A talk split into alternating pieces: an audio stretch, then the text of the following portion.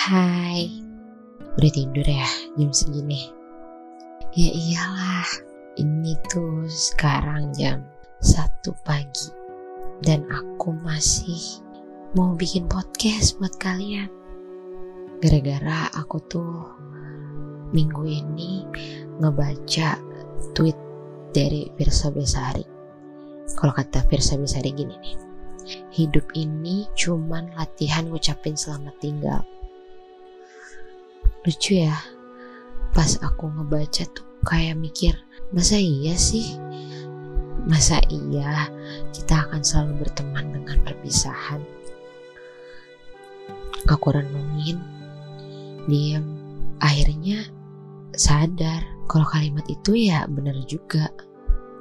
Akan selalu ada yang datang dan pergi.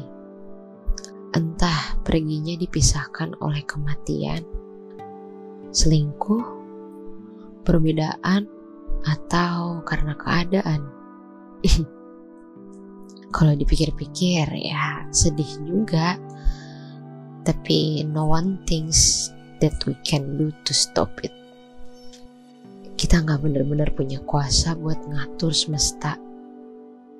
Karena ya pada dasarnya semesta juga tahu kok mana yang baik dan buruk buat segala isinya.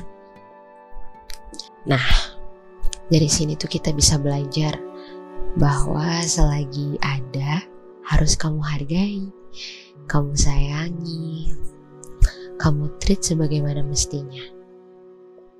Hidup itu kan bukan perkara menerima saja, tapi harus memberi. Ya, ada suara cicak. Nggak apa-apa deh ya. Nggak ada ruginya kok berbuat baik sama orang Gak ada ruginya kasih waktu kita buat nunjukin rasa sayang kita ke orang itu. Tapi gimana kak kalau nyatanya gak sesuai sama ekspektasi kita? Gak apa-apa. Yang penting kamu nantinya gak bakal nyesel. Kamu udah berbuat baik sama orang yang kamu sayang. Jadi kalau tiba-tiba mereka dipanggil atau mereka pergi, seenggaknya udah ada yang kamu lakuin buat mereka. Lalu gimana kalau pada akhirnya perpisahan itu terjadi karena perselingkuhan? Gak apa-apa, terima aja. You deserve someone who really really love you. Belajar ikhlas, belajar menerima skenario yang dibuat oleh semesta. Yang penting kamu udah melakukan yang terbaik dan nantinya dia bakal sadar kok betapa tulisnya kamu ke dia. Terus nanti ada titik di mana dia nyesel kenapa dulu gak pernah ngehargain orang yang ada sama dia. Kalau sudah menyesal, gak tahu kan harus berat apa lagi. Setiap kejadian selalu memberikan pelajaran berharga untuk bekal hidup di masa depan, termasuk perpisahan.